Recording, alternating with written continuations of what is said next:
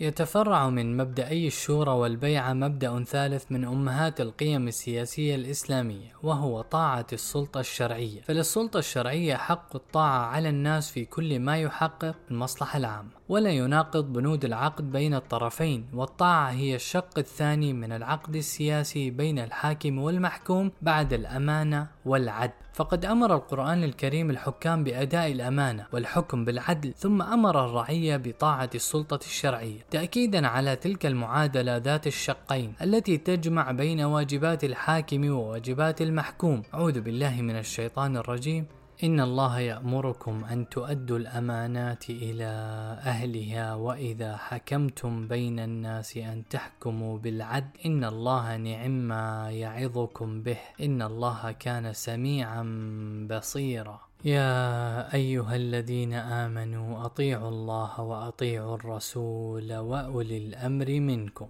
إن ربط الطاعة بأداء الأمانة وبالحكم بالعدل فيه دلالة صريحة على أن متولي السلطة بغير رضا المحكومين لا طاعة له، إذ هو يتصرف خارج مفهوم الأمانة وداخل مفهوم الغصب في الشريعة الإسلامية، كما يدل أيضا على أن المتصرف في السلطة بغير أمانة وعدل لا طاعة له، إذ هو ناقض للعهد بينه وبين الأمة، عاص لله تعالى في فعله، ولعل الزمخشري كان أبلغ المفسرين تعبيرا عن هذا المعنى في آيتي الأمانة والطاعة إذ وصف حكام الجور بأنهم لصوص متغلبة ورفض أي إسباغ للشرعية عليهم أو إلزام للناس بطاعتهم قال الزمخشري. لما أمر الله الولاة بأداء الأمانات إلى أهلها وأن يحكموا بالعدل أمر الناس بأن يطيعوهم وينزلوا على قضاياهم. والمراد بأولي الأمر منكم أمراء الحق لأن أمراء الجور الله ورسوله بريئان منهم فلا يعطفون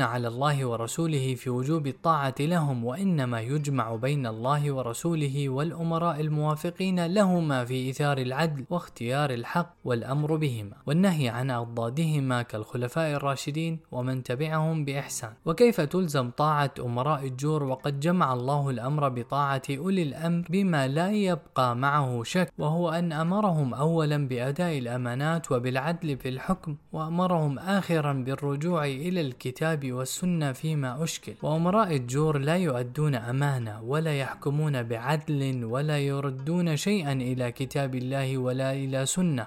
إنما يتبعون شهواتهم حيث ذهبت بهم. فهم منسلخون عن صفات الذين هم أولي الأمر عند الله ورسوله وأحق أسمائهم اللصوص المتغلبة. انتهى الاقتباس. فإذا تمت البيعة بشروطها الشرعية كانت عهدا وميثاقا غليظا يجب الالتزام بمقتضاه. ولا يجوز التحلل منه وقد ورد النكير الشديد في الأحاديث النبوية على من ينقضون البيع الشرعية دون مسوغ شرعي. ومن ذلك قول النبي صلى الله عليه وسلم من خلع يدا من طاعة لقي الله يوم القيامة لا حجة له لكن الطاعة لا تكون واجبة إلا لمن كانت بيعته ملزمة بشروطها الشرعية التي عرضنا لها من قبل. وأهم تلك الشروط هو أن تكون البيعة اختيارية ليست فيها شبهة إكراه. وهذا هو مدلول الحديث النبوي السابق الاستشهاد به. من بايع إماما فأعطاه صفقة يده وثمرة قلبه فليطعه إن استطاع. وهي ليست طاعة مطلقة على النمط الإمبراطوري الذي يجعل إرادة الحاكم قانونا بل هي طاعة مستثنى بتعبير الإمام الشافعي. يقول الشافعي في شرح آية الطاعة كل من كان حول مكة من العرب لم يكن يعرف إمارة. وكانت تأنف أن يعطي بعضها بعضا طاعة الإمارة. فلما دانت لرسول الله بالطاعة لم تكن ترى ذلك يصلح لغير رسول الله. فأمروا أن يطيعوا أولي الأمر الذين أمرهم رسول الله. لا طاعة مطلقة بل طاعة مستثنى فيما لهم وعليهم. وقد أكد هذا المعنى الحسن البصري من قبل حين سأله والي العراق عمر بن هبيرة عن الكتاب يرد عليه من سلطانه بما فيه مخالفة للشرع. هل له سعة في تقديم الطاعة؟ له فقال الحسن البصري له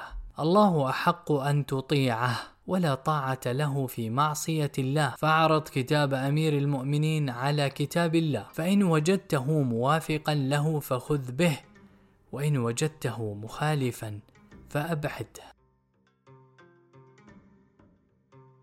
وقد نحى الفكر الديمقراطي الغربي المعاصر هذا المنحى في مسألة الطاعة. فكتب جون لوك وهو رائد الديمقراطية المعاصر أن الولاء السياسي ليس إلا الطاعة وفقا للقانون فإذا خرقه الحاكم لم يكن له حق بالطاعة أو بالمطالبة بها. ثم بين لوك أن الحاكم يجب أن يعتبر صورة الدولة المنبثقة من إرادة المجتمع كما تتجلى في قوانينها فلم يكن له إذن أو إرادة أو سلطة سوى إرادة القانون وسلطته. فإذا تخلى عن هذا التمثيل وتخلى عن هذه الإرادة العامة وراح يعمل وفقا لإرادته الخاصة فقد حط من قدره وأصبح فردا عاديا لا سلطة له ولا إرادة. لأن أفراد المجتمع ليسوا ملزمين إلا بطاعة إرادة المجتمع العامة وكثر التأكيد على طاعة السلطة الشرعية في الأحاديث النبوية بسبب ضمور تقاليد الدولة وثقافتها في الجزيرة العربية عند ظهور الإسلام. مما جعل العرب آنذاك يأنفون من طاعة أي سلطان عموما ويأبون طاعة القادة الذين لا ينتمون إلى قبائلهم أو قومهم على وجه التخصيص. ومن تلك الأحاديث قول النبي صلى الله عليه وسلم من خرج من الطاعة وفارق الجماعة فمات مات ميتة جاهلية وقوله أيضا من أطاعني فقد أطاع الله ومن عصاني فقد عصى الله ومن أطاع أميري فقد أطاعني ومن عصى أميري فقد عصاني. وفي رواية ومن أطاع الأمير وقال وكيع الإمام فقد أطاعني ومن عصى الأمير وقال وكيع الإمام فقد عصاني. وقد أدرك بدر الدين العيني حكمة هذا التأكيد على الطاعة في الأحاديث النبوية.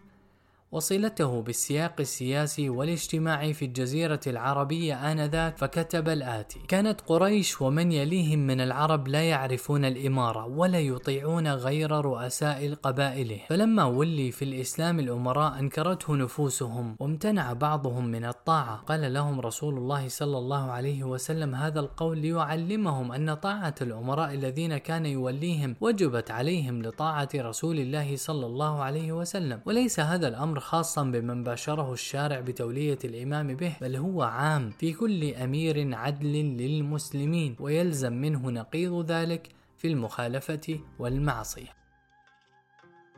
كما تضافرت الأحاديث النبوية المقيدة لطاعة السلطة الشرعية بالتزام تلك السلطة بمقتضى الشريعة. وفي هذا المعنى ورد قول النبي صلى الله عليه وسلم إنما الطاعة في المعروف ولا طاعة في معصية الله. إنما الطاعة في المعروف. ومن أمركم منهم بمعصية الله فلا تطيعوه ولا طاعة لأحد في معصية الله. لهذا يا صديقي المستمع إن الطاعة السياسية في الإسلام مقيدة بقيدين اثنين قيد الشرعية وقيد الشريعة. فلا طاعة لسلطة ليست نابعة من اختيار الناس.